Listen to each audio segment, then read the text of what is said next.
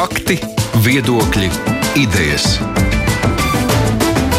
Raidījums Kruspunkta ar izpratni par būtisko. Sveicināti pie Latvijas radio mikrofona Arnis Krause. Piektdienās kruspunktā vērtējam nedēļas notikumus. Šodien visticamāk runāsim tikai par vienu, bet ļoti svarīgu. Mūsu kaimiņu valstī Baltkrievijā pieredzam gluži vai viņu atmodu. Arvien vairāk ļaudis ir nemierā ar prezidenta Lukašenko režīmu.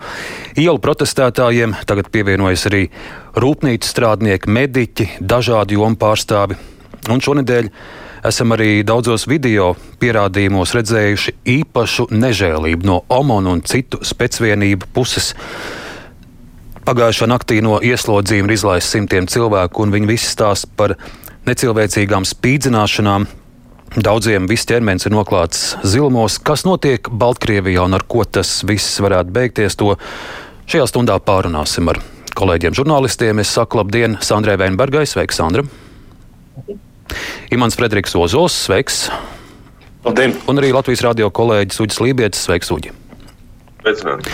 Uģi, varbūt arī ar tevīm sāksim, jo ar tevi sāksim, jo darba pie, pienākumu tev liek sekot notikumiem Baltkrievijā nevien pa stundām, bet pa minūtēm. Tavuprāt, notikuma attīstību skatoties, kas ir tas pats svarīgākais tieši šajā stundā? Tas, ko es no malas vēroju, man varbūt ir tādas divas lietas. Viens ir tās aktualitātes, kas notiek ielās, pilsētās, protesta akcijas un tā tālāk.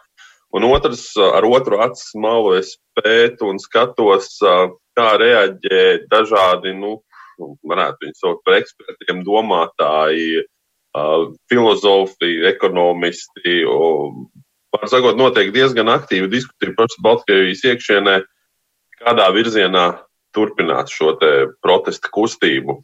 Jā, tā ir tautas kustība, bet tas, kas, tas, kas ir panākts, ir panākts ar tautas spēkiem, jautājums ir, ko tālāk. Tā lielā problēma, uz ko norāda daudz, ir, ka lai iesaistītos diskusijās, kaut vai par to pašu jauno vēlēšanu rīkošanu, ko īpaši uzsvēra Svetlana Tihanovska nu, vēlēšanu laikā. Lai runātu par to ar Aleksandru Lukašenko, ar pašreizējo varu, ir vajadzīgi sarunvedēji. Un pašlaik nav īsti nekādu signālu, kas būtu gatavi uzņemties šo sarunvedēju lomu. Uh, ir ieteikumi, ka tiem būtu jābūt sabiedrībā atpazīstamiem, cienījamiem cilvēkiem. Daudz saka, ka neviens īsti nevēlas šo smago uzņē, uzdevumu uzņemties, rādot ar pirkstu uz Lānu Cihanovsku un viņa štābu. Uh, šie aktīvisti arī pašlaik ir diezgan klusi un šaubās, Tā kā otrs saka, nē, nevajag mums, nevajag mums tādus līderus. Mums, mēs protestējam, kamēr mēs neredzēsim, ka Lukašenko aiziet, tikmēr nu, nav jēga runāt par ko citu. Tā kā pašlaik ir tāda, man liekas, taustīšanās. Tas, kas šodien varbūt ir aktuāli un arī vakar bija, ka nav vairs šīs tik ļoti izteiktās vardarbības. Arī par to ir ļoti dažādi viedokļi. Ir cilvēki, kas saka, nepaļaujieties uz šo te mānīgo nu, pamieru, ja tā varētu teikt, no varas iestāžu puses. Nu, apmēram teksti ir tādi, ja šodien ļauj staigāt mierīgi un būt mierīgi, nu, tad priekšā ir brīvdienas un rīt jūs redzēsiet dubultā.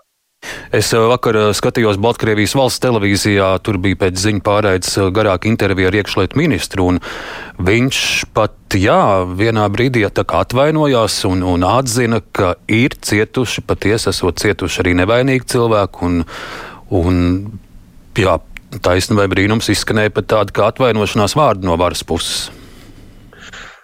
Es nezinu, vai tā būtu tāda liela atvainošanās. Mēs redzam arī, ka ir nu, pēdējās dienās sāk parādīties tas, ka diezgan daudzi miliči, armijas, armijā dienošie cilvēki demonstratīvi vai nu met savus uzplečus projām, vai nolaiž podā savus uzšuves, met formas laukā. Bet es domāju, ka šis tomēr nav masveidīgs pasākums. Un, uh, arī šis nu, tāds žests atbrīvojot gandrīz tūkstoti ies, nu, aizturēto personu. Man tas tomēr neliek ka uzreiz jau domāt vai skatīties cerīgi uz to, ka kaut kas strauji varētu mainīties. Un šis nu, visai agresīvās un ļoti nežēlīgās vēršanās fakts uh, ir noteikti pelnījis nu, pastiprināt nosodījumu, jo, kā daudz arī norāda, ir interesanti, ka par šādiem pārkāpumiem, acīm redzamiem pārkāpumiem par spīdzināšanu, par šādiem ziņojumiem nav nekādas reakcijas. Un tieši tāpēc tagad Baltkrievu aktīvisti vāc šos pierādījumus, liecības no cilvēkiem, kas tiešām ir cietuši. Viņi cenšas uzklausīt, lai fiksētu konkrēti ar vārdiem, kurš ir spīdzināts kurā vietā, lai potenciāli pēc tam sniegtu sūdzības un, um, un arī saukt pie atbildības atbild, nu, atbilstošas personas. Sandra, cik tu cerīgi vai piesardzīgi raugies uz to, kas notiek Baltkrievijā? Principā raugos diezgan cerīgi uz to, kas notiek Baltkrievijā, jo kā rietuma Eiropas mēdī vienmēr saka, pēdējais diktators, kas dzīvo Eiropas centrā, protams, vienmēr aizmirstot Puķinu. Bet eh, es domāju, ka beidzot Baltkrievija ir pamodusies, un tie signāli, kas nāk no Baltkrievijas, protams, ir satriecoši. Es arī visu šīs pēdējās dienas skatos televīziju un klausos rādio, un arī kontaktēju ar cilvēkiem, kas kontaktē ar Baltkrieviem Minskā. Un gribu teikt, ka laikam man liekas, ka mm, ir tauta sadalījusies divos grupējumos. Kā man paša Baltkrievs saka, tētis un māma balso pa Lukašenko, jo viņi ir nomenklatūras cilvēki un viņi ir pieraduši pie postsovietiskā režīma. Viņiem patīk tā, kā ir, tā ir vecākā paudze, un to es tieši gribēju šobrīd akcentēt, ka mūsu atmodas laikā tomēr viss tauta vienoti gāja pret veco režīmu, un gados vecāki cilvēki, man liekas, bija pirmajās līnijās. Šobrīd Baltkrieviem it kā, kā viņi paši to apgalvo, esot pretēji, ka gados vecāki cilvēki ir pieraduši pie postsovietiskā Lukašenko, viņiem tas patīk, viņi to saprot. Un tā, zināmā mērā, ir jaunās paudzes sacelšanās, kas šobrīd ir redzama televīzijas ekrānos. Un kā ļoti labi pateica Nobela prēmijas laureāta Aleksandra Svetlana Aleksēviča, viņa teica, ka Viņam vajag atkāpties, diktatoram ir jāpaiet malā, jo valsts stāv uz pilsoņu kara sliekšņa. To es negribu teikt, ka šobrīd Baltkrievs skries viens otram virsū ar ieročiem. Bet pats fakts, ka tauta ir tik dziļi sašķēlusies divās, zināmā mērā, pretējās nometnēs, manuprāt, ir diezgan traģiski. Jā, nu, Sandra, vienīgi tas mans vērojums, eh, redzot arī šos daudzos video, jā, varbūt Minskas ielās eh, vairāk ir jaunāk gadagājumi cilvēki, bet tieši pēdējās dienās šajos kadros, kur rūpnīcās simtiem un simtiem cilvēku iziet eh, demonstrācijās, tur ir ļoti dažādi vecuma un tieši gados vecāki cilvēki tur ir pirmajās rindās. Tas ir patīkami. Tas tiešām ir labi. Iman, tavs tāds kopējs skats varbūt par šīm dienām Baltkrievijā. Nu, visi jau, protams, nosaka, ar ko salīdzina. Mans pētījuma reģions vienmēr ir bijis austrumi, ar Krieviju, Baltkrieviju ir tā problēma, ka vienmēr ir tas strīdi, vai viņu analizēt no austrumu vai no rietumu politoloģiskās tradīcijas. Bet um, um, mani, piemēram, ļoti uzkrīt. Es arī vakar skatījos Baltkrievijas valsts televīziju, visas ziņu izlaidumus sākot no pulksten sešiem vakaram. Um, ļoti uzkrīt tas, ka tiek akcentēts tas izteikti, protams, Lukašenko diskurss, kurā visu laiku ir šie pozitīvie ekonomikas veiksmes stāsti.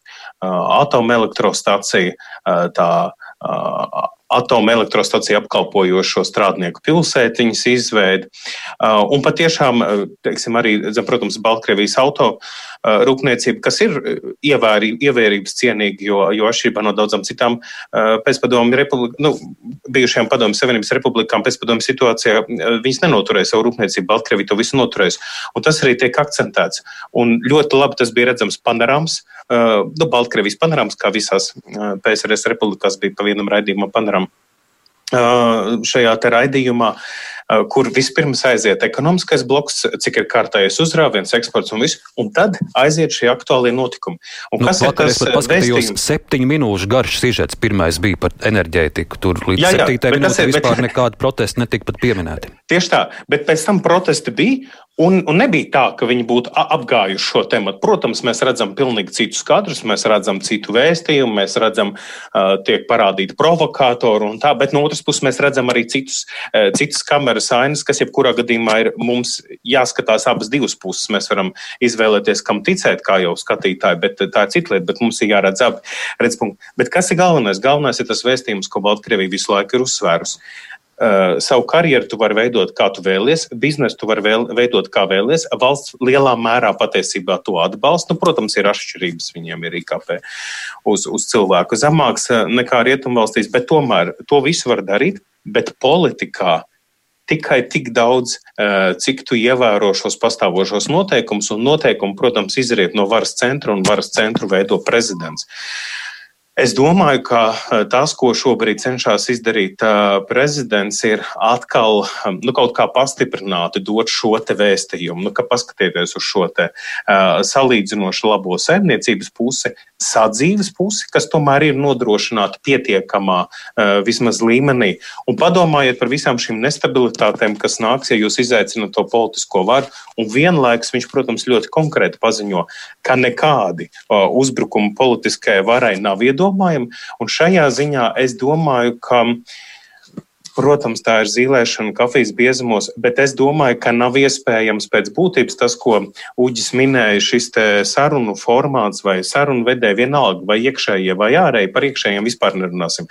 Iekšējie sarunu vedēji tas pēc būtības nozīmē, ka prezidents vai viņa administrācija sāks nopietnāk raudzīties uz kādu cilvēku nekā līdz šim. Tas nav iespējams. Ārējie sarunu vedēji nav īstas situācijas, lai tas notiktu. Tā kā mm, mm, Mēs, protams, diez vai varam, un diez vai mums tas ir jādara, kā apskatniekiem jāprognozē e, iznākums. Tas, protams, ka nav un viss kaut kas ir iespējams, bet, e, bet e, Minskas viedoklis ir nepārprotams. Atgriezieties pie saimnieciskās dzīves par politisko, jums nekādas teikšanas nebūs. Nu, priekšplānā ir šī vardarbība pēdējās dienās. Tie, tie kadri patiešām ir, ir, ir iespaidīgi. Vai jums ir kāds skaidrojums, ar ko tik liela nežēlība ir no Omona puses skaidrojama, vai, vai iespējams arī tādēļ, ka viņi atcerās, ar ko Berkutam spēcvienībai beidzās. Uh, Kijavā iedzīvotāju protesta apspiešana, ka viņiem pēc tam bija jāmūk prom uz Maskavu, vai tur ir uh, citi iemesli. Kā jūs skaidrotu tik, tik stingru attieksmi nežēlīgi pret protestētājiem. Sandra sāksim nu, ar tevi. Šķiet, tā ir iebaidīšana. Vienmēr postsovietiskie režīmi ir iebaidījuši savus cilvēkus, un ja mēs redzam tos ārprātīgos skatus, kas tagad parādās internetā, pieejami aizvien vairāk, tie ir nežēlīgi skati. Un, eh, Protams, ka Eiropa un visa ārpasaule ir sabijusies, jo kā šajā brīdī reaģēt, vislabāk nereaģēt nekā, vislabāk tā kā arī skandināvu mēdī šodien ļoti plaši publicē to iekšlietu ministra atvainošanos ar tā domu, ka nu jau tas lielais vilnis ir pār, nu jau viss beigsies. Bet, e, Es skatījos arī pēdējos ziņojumus, ka tomēr opozīcijas vadītāji, kas šobrīd ir Lietuvā, aicina uz demonstrācijām, man liekas, 15. un 16. ja viņi aicināja šīm Brīvdienās, jā. Jā, par to mēs runāsim. Tā kā es domāju, man šī gadījumā tomēr esmu optimists, un man šķiet, ka ir ļoti, ļoti svarīgi, lai Mēs Latvijā, piemēram, ļoti aktīvi atbalstam Baltkrievu brīvības centienus, jo es ļoti labi atceros 91. gadu, kā tas bija, ka uh, arī pa Baltijas brīvības centieniem toreiz Zviedru mēdījos runāja apmēram tāpat kā mēs pašreiz. Tur jau nekas nebūs, viņi jau tāpat grib padomju savienības sastāvā būt, nekas nevar būt, nekas nevar mainīties, nekas nevar grozīties. Es tomēr ļoti novēlu Baltkrieviem kaut ko grozīt. Un man šķiet, ka pašreizējā situācijā, ja tiešām šie protesti turpināsies, arī Eiropas Savienība būs spiest aktīvāk rēģēt. Uģi. Um, noteikti tā ir uh, varas demonstrēšana. Un, uh, es jau arī iepriekš teicu, ka šis Lukašenko apgalvojums, ka nu, tās aitas jau ir vadāmas no ārpasaules, ar to domājot uh, trīs uh, Kanovskas štāba priekšgājējs, varētu teikt. Uh, šeit, šajā gadījumā ir jāparāda, ka viņš ir saimnieks, viņš ir komandieris, uh, viņš rūpējās par drošību valstī. lai jebkādas protesta akcijas, kas draud izvērsties, kā viņš saka, Maidanos, Maidana pie mums nebūs, mēs to iznīdēsim saknē. Es jums to saku, jo es, es šeit valdu. Un, no, no, no otras puses, es Es pēdējā laikā ar vien vairāk domāju par to, cik ilgi un cik lojāli būs drošības spēki. Viņi ir līdz šim bijuši ļoti labi apmaksāti, ļoti labi uzturēti, ar lielām sociālajām garantijām. Viņi ir motivēti, nu, teiksim tā, jauniem džekiem, kuriem īpaši nekas vairāk neinteresē, kā kādam sadot pa muti. Runāsim atklāti, viņam ir nu, karjera garantēta oficiālos varas iestādē. Turklāt tev pat nav īpaši forma jāvelk vienmēr. Uh, un uh, šis. Uh, es, es pieļauju, ka starp drošības spēkiem ir daudz tādi, kas uh, izbauda šo procesu. Es pieļauju, ka ir daudzi, kas sāk aizdomāties. Es domāju, ka ir jau tādi, kas ir aizdomājušies par sekām, bet pašlaik man ir vismaz sajūta, ka arī šajos spēkos tomēr valda sajūta, ka ir pilnīga visatļautība un ir, nu, kā Džeimsā Bondā bija license to kill, nu, labi, nu, teiksim, licenzē nogalināšanai gluži nē, bet uh, visļautība darīt, ko, ko mēs gribam, tā ir jūtama. Un, tas, ka tiek runāts par uh, Nīderlandes tribunālu, uh, ko tiesās, visi cilvēki ir maskās. Konkrēti cilvēki pie atbildības nevar pasauli. Jo, nu, Bet nu skaidrs, ka šiem cilvēkiem kādā... ir savi komandieri, uh, vadītāji, nu, un to vārdi ir zināmi. Komandieris var, jā, un, un tad man ir, nu, jā, man Es līdz galam nevaru saprast un, un nezinu, cik ir komandieru rīkojums un cik ir nu, daudzu pašu iniciatīva un patvaļa. Un tas, tas ir tāds, nu, ļoti grūti izmērams. Lai gan jāmin arī ir bijuši nu, tie gan ir pāris, ko es esmu redzējis video, kur ārpus Minskas milicis ir piegājis pie protestētājiem, un, un viņš saka, es pret jums roku nepacelšu. Jūs esat tādi paši Baltkrievi kā es. Arī tādi gadījumi ir fiksēti. Bet vēl viens stāsts, kas man liekas arī tāds būtisks pagrieziens šajā nedēļā, tad eh, pirmās dienas ielu protesti sākot no trešdienas ar vien vairāk uzņēmumos, šajos lielajos milžos, kas ir Baltkrievijā, Belas ar desmit tūkstošu strādniekiem, ar vien vairāk sāk pulcēties uh, cilvēki un izteikt savu neapmierinātību, un bija diezgan iespaidīgs ar viens video, kur viens no strādniekiem tur priekšā nostājusies ir uzņēmuma vadība, un viņi vaicā, cik balsoja šeit par Lukašenko. Un rokas paceļ tikai tie, tie, tie direktori un vadītāji. Un cik par Tihanovsku, un viss tas lielais pūlis paceļ, ka viņi par Tihanovsku balsojuši. Vai tas ir kāds pagrieziena punkts visā šajā Baltkrievijas stāstā, ka beidzot arī, arī šajās lielajās rūpnīcās cilvēku vidū urda nemieris. Ja mēs tā ļoti vienkāršot varam teikt, tas līdz šim bija proletariāts, varbūt, kuram bija svarīga tā desa, lai ir uz galda, bet uh, tagad mēs redzam, ka svarīgāk par desu ir arī tādas vērtības kā vārda brīvība un demokrātija. Imanta. Uh, es noteikti nenoniecinātu proletariātu, respektīvi, es neturētu aizdomās, ka viņi nespēja saprast augstākas um, kategorijas apsvērums Krievu kultūram. Uh, un jāatcerās, ka vēl ar vienu Baltkrievijā ir šī ļoti īpatnējā divvalodības situācija, kurā ir Baltkrievu valoda, un pagājušajā gadā, ja nemaldos, pirmā reize arī bija, kad arī Lukašenko runāja Baltkrievu valodā. Uh, publiski. Bet tomēr viņi ir absolūti saistīti, protams, ar savu Krievijas kaimiņu. Viņam ir tāda ļoti labi zināma tēze. Es to atceros jau no bērnības, kad mums Krievu valodas skolotāji to daudzreiz atkārtoja. Un 2005. nemaldos gadā bija arī filma ar to uzņemt. Ņehļebam jedinim živ človek. Tātad ne tikai no dienasčās maizes dzīvojam. Tas Krievu kultūrā ir īstenībā ļoti, ļoti dzīvs, un mēs nenovērtējam šo te.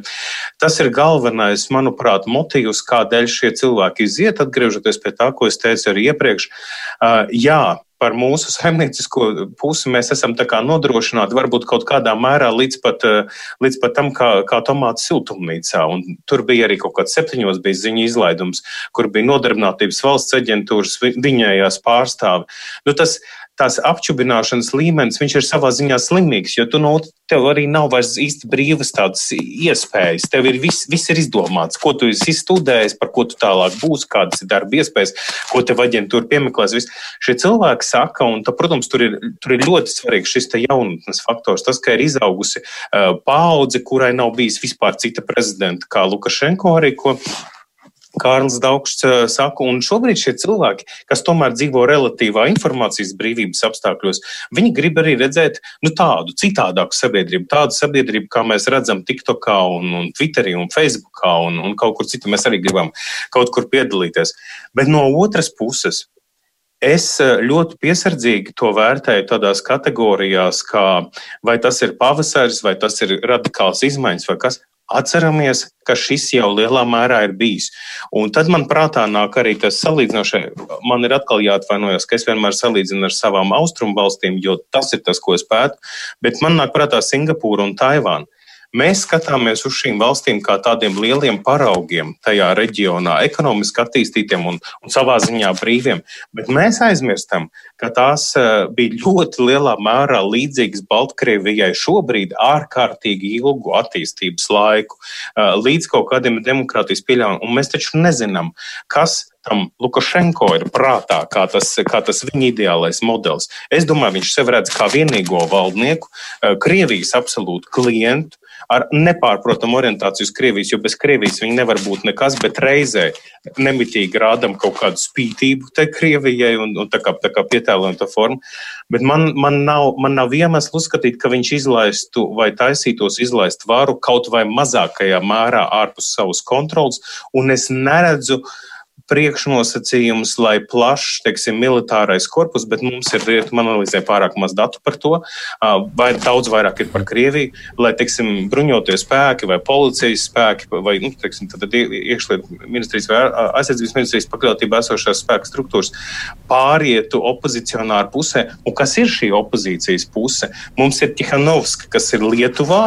Jā, viņa šobrīd ir sagrupējusies un atkal gatava jaunām darbībām, bet būtībā es atvainojos atvainojos, cik cīniski tas var izklausīties no politiskā apskatnieka puses, to es apzinos, bet viņi ir pievīlusi šos cilvēkus. Jo viņi ir pateikusi, ka nekas nekas, kas tur notiek, nav tā vērts. Respektīvi, viņas tāda dzīvība, acīm redzot, nu, mēs varam tikai nu, prezumēt. Viņi runāja par bērniem, par, par bērnu par dzīvību. Bērni, par savu vīrs, vai es Jā. sev, nekas nav tā vērts. Ne? Viņi ir arī pievilsti, kas ir jaunie elementi, kas iznesīs šo politisko cīņu. Pie kā man vērsties, ja es jūtos kā opozicionārs, ja es esmu aktīvists tajā pašā rūpnīcā, kas tika minēts. Es varu paust šobrīd savu viedokli, ka es balsoju par Tihanovsku kā protestu. Paldies tev, paldies tev tik tālu vēl, uh, ja reiz Imants pieminēja Krieviju. Nu, Kāds jums ir vērojums Krievijas reakcija uz šiem notikumiem šonadēļ? Manuprāt, pagaidām tā ir tāda ļoti nogaidoša. Man par pārsteigumu pat Krievijas vadošie propagandisti tā kā tādos pusteikumos, dažos raidījumos šonadēļ teica, ka jā, ka varbūt tā vardarbība no, no milicijas puses pat ir tā kā pat par, par pārspīlēta. Pat kaut kas tāds arī skanēja. Sandra. Ko Krievija darīs ar Baltkrieviju? Jā, es domāju, ka Krievija vienmēr ir maisījusies savu kaimiņu valstu iekšpolitikā, un mēs jau to ļoti labi redzam, kā viņi maisās mūsu iekšējās lietās, un kā viņi tagad mēģina Ziemeļvalsts ietekmēt. Un, protams, Baltkrievija ir ļoti gārts kumos, un viņš ir Krievijas kontrolē, ar to jārēķinās. Šobrīd pateikt, kādu stratēģiju Krievija izmanto Baltkrievijas notikuma attīstībā, ir ļoti, ļoti grūti. Es domāju, ka tā ir diezgan gudra stratēģija šādā gadījumā nogaidīt un tā kā mazliet nosodīt diktatoru reakciju. Bet, eh, protams, ka vienmēr šādos gadījumos, kas attiecās arī uz Krieviju, ir diezgan smaga situācija opozīcijai, par ko tikko mēs šeit runājām.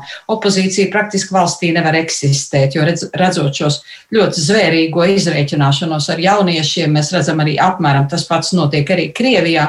Es domāju, ka Krievija šobrīd nav gatava, ka varētu izveidoties spēcīga opozīcija ārzemēs, jo liela ļoti daudz šādu smagi traumētu valstu ar diktatorisku režīmu ir atgriezušās pie kaut kādiem normāliem standartiem, tieši pateicoties labai opozīcijai ārzemēs. Un es domāju, ka uz to Krievija nav gatava. Mēs varētu zināmā mērā viņiem aizlikt kāju priekšā, palīdzot Baltkrieviem attīstīt opozīciju Lietuvā, Latvijā. Es, protams, nevaru uz to aicināt, bet es ļoti ceru, ka tā tas varētu notikt. Bet par Krievijas manevriem šajā gadījumā mēs varēsim spriest nākošu nedēļu, jeb tagad pēc tiem nemieriem, kas viņiem, protams, būs nemieri nedēļas nogalē, uz ko aicina pašreizējā opozīcija. Es arī domāju, ka tie esošie opozicionārie vadītāji, kas valstī pašreiz ir un ir apcietināti, varētu tikt atbrīvot. Un es redzu lielas cerības tieši Čehijas prasībā, jo Čehija šodien prasīja atkārtotas vēlēšanas Baltkrievijā.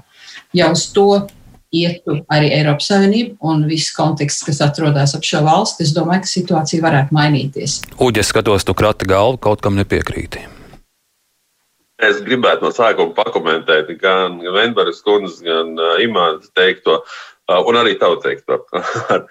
Sāksim ar to desu, ko savulaik pieminēja uh, par rūpnīcām. Uh, šodien jau Lukašenko ir tāds spēlēt tieši uz šīs, ja varētu tā teikt, desas nots, pasakot, ka, nu, jā, par tiem protestētājiem, kas protestē lielajās rūpnīcās par to, nu, ja jūs paši tagad sāksiet protestēt, uh, tad jūsu rūpnīca nesaražos produkciju. Šajā krīzes, globālajās krīzes situācijā to izmantos mūsu konkurenti, un jums pašiem būs sliktāk. Un, uh, citāts ir, kas ir redzams, ka nu, jā, nu, daži gribēja iet.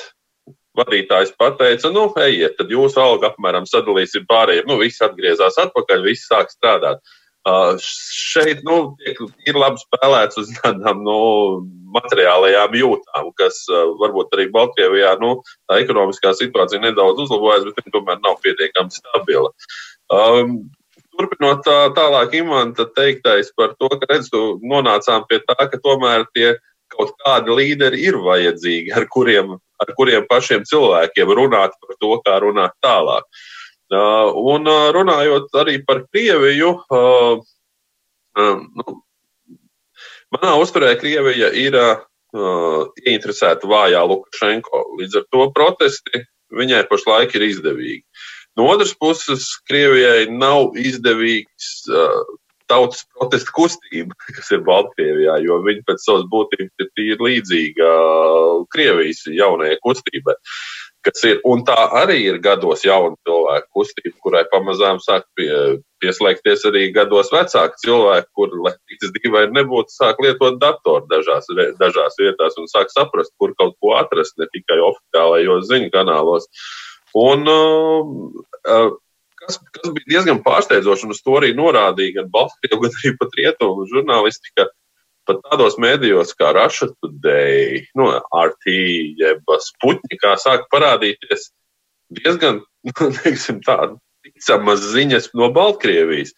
Un šeit man pašam arī ir tāds jautājums, vai tas ir tāds nu, nosacītais redakcionālais uzstādījums, vai šeit kaut kādu solidaritāti izrāda arī žurnālisti pret žurnālistiem, jo tomēr Baltkrievijā bija pietiekami daudz aizturētu arī Krievijas žurnālistu. Tevis pieminētās Sputņika žurnālists divus arī aizturēja.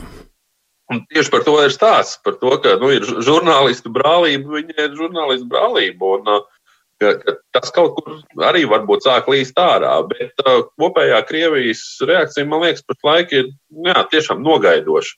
Un uh, par nedēļas nogali neaicina jau uz nemieriem, aicina uz protesta akcijām.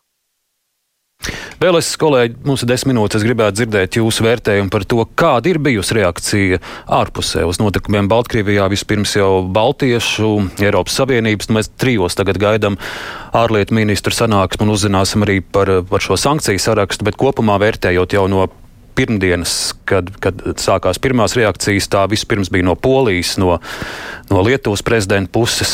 Sandra, sākšu ar tevi. Es domāju, ka ļoti gausa, vārgulīga ir sabiedrības reakcija uz notikumiem Baltkrievijā. Es te daudz runāju ar saviem kolēģiem, kas ziņo praktiski par notikumiem no Baltkrievijas, no Krievijas. Un ir Anna Liena Lauriena, tā ir tagadnes ņuhetera korespondente, kur centās visiem spēkiem kādas bildes sūtīt un publicēt un runāt ar televīziju un rādio. Un beidzot aizvakar, man liekas, sākās skandāls Zviedru žurnālists aprindās par to, ka nav sabiedriskais rādio un televīzija aizsūtījusi tur korespondences un nenotiek reportāžas no Minskas. Jā, arī, ka Baltkrievu nebūtu ne tur laida arī iekšā žurnālisti daudz, daudziem tika atteikt vīzi. Bet varēja mēģināt vairāk un atkārtot. Es zinu tādas situācijas, kā to dara, bet nu, nebija tāda sevišķi liela interese. Godīgi sakot, es gribētu teikt, ka Ziemeļvalstīs laikam negaidīja, ka, nu, ka tā tas viss notiks. Un eh, arī pēdējās divas dienas ļoti daudz runā Lielbritānijas presē par to, ka ir pārāk maz uzmanības pievērst šiem notikumiem. Jo laikam jau tā ir, ka patīk tie traģiskie un dramatiskie notikumi kaut kur ļoti, ļoti tālu. Teiksim, Dienvidāfrikā kaut kas tam līdzīgs notiktu, Zviedru korespondents aizskriet uzreiz. Bet, ja tas notiek šeit pat blakām, tad tāda gausināšanās nevar taču tā būt, kā tas nu īsti būs. Es domāju, ka tagad pašreiz sāk eh, Ziemeļvalstu mēdī atgūties un vairāk informācijas publicēt par šom, šiem notikumiem Baltkrievijā. Imanta. Reakcija bija, protams, ļoti paredzami klusa. Tā saucamais maģiskais vārds nogaidošs pilnīgi visās pusēs ir ļoti precīzs apzīmējums. Taču ir jāatceras vēl viena lieta. Eiropas Savienībā ir ļoti slikta ekonomiska situācija. Vēl vienu valsti mēs šobrīd vispār neizvilkam. Nu, priekš Baltkrievijas mums vienkārši nav nekāda scenārija, kā, kā, kā to tālāk darīt. Un pat ja tur izveidotos kaut kāda absolūti maģisku situācijas sakartības rezultātā prorietumniecisks, prorietumniecisks kaut kāda valsts valsts iekārta un politiskā orientācija mums vispār nebūtu nekāda mehānisma, pat uh, nerunājot par finansiālām iespējām nodrošināt Balti, Baltkrievijas integrāciju. Un tā būtu vispār pilnīgi jauna situācija arī drošības uh, politikas ziņā. Un, godīgi sakot, es saprotu, ka ļoti racionāli un pragmatiski domājošie rietumu politiķi šajā brīdī saprot, nē, uh, vēl vienu izaicinājumu NATO, jo Krievija reaģētu ārkārtīgi uz to. Vēl vienu saimniecisku izaicinājumu mēs vienkārši nevaram atļauties. Tas ir atkal ļoti loģiski un man ir jāsaka arī cīniski, jo Latvija ir atkarīga no Baltkrievijas kravām ārkārtīgi lielā mērā.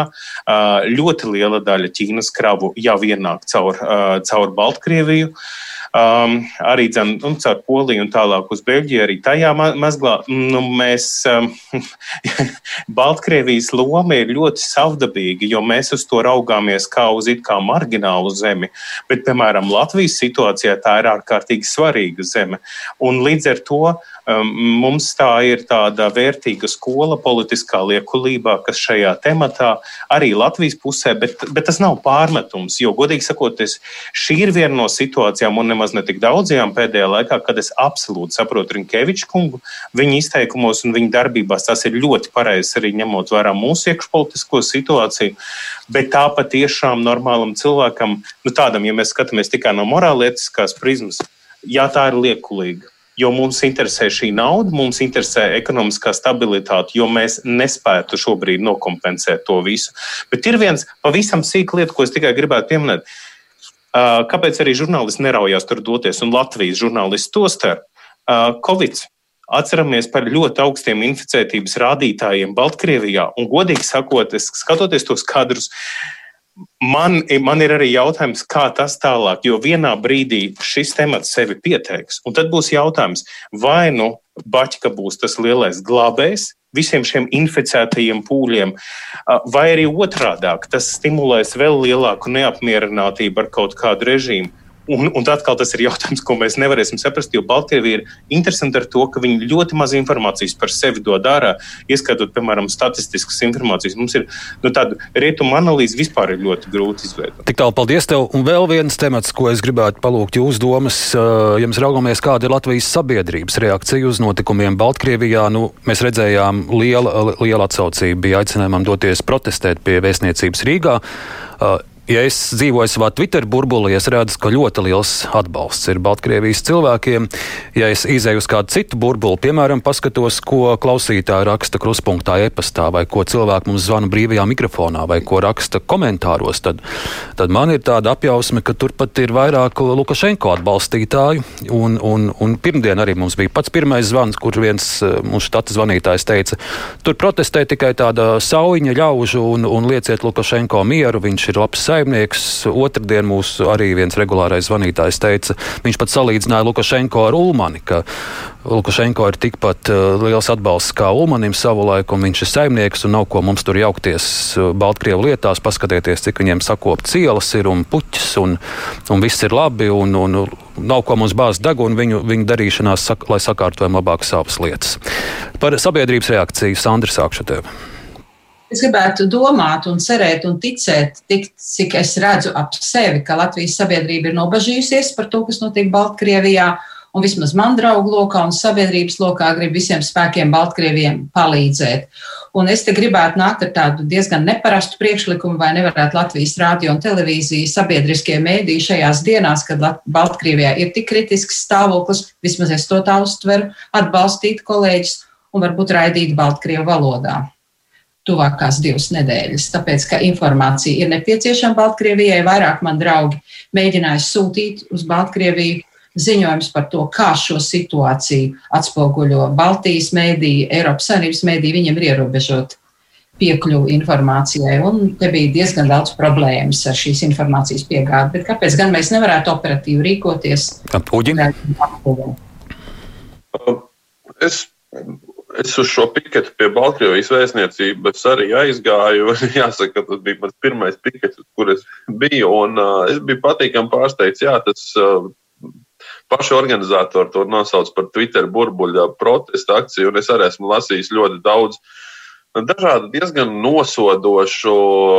Nosodošu komentāru par to, ka, nu, ko tad tās jaunās meitenes, jaunie puikas lieta, ja nu viņi, kāda viņiem jēga darīšana par Baltkrieviju, ne viņi kaut ko saprot, neko. Man liekas, ka tur ir tas pats atslēgas vārds, kas arī parādās. Šiem jauniešiem, kas piedalījās šajās protesta akcijās, jau tagad nav viena alga, kas notiek kaut kur. Tāpatās kā jaunajiem Baltkrieviem nav viena alga, kas notiek pie viņiem.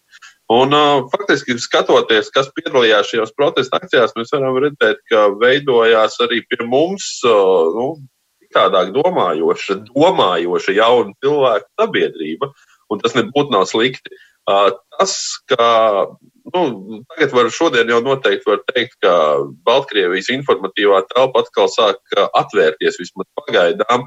Un uh, gan rīdzinieku atbalsta akcijas, gan uh, citu Eiropas pilsētu protesta akcijas, atbalsta akcijas, viņas Baltkrievijā ir sadzirdētas.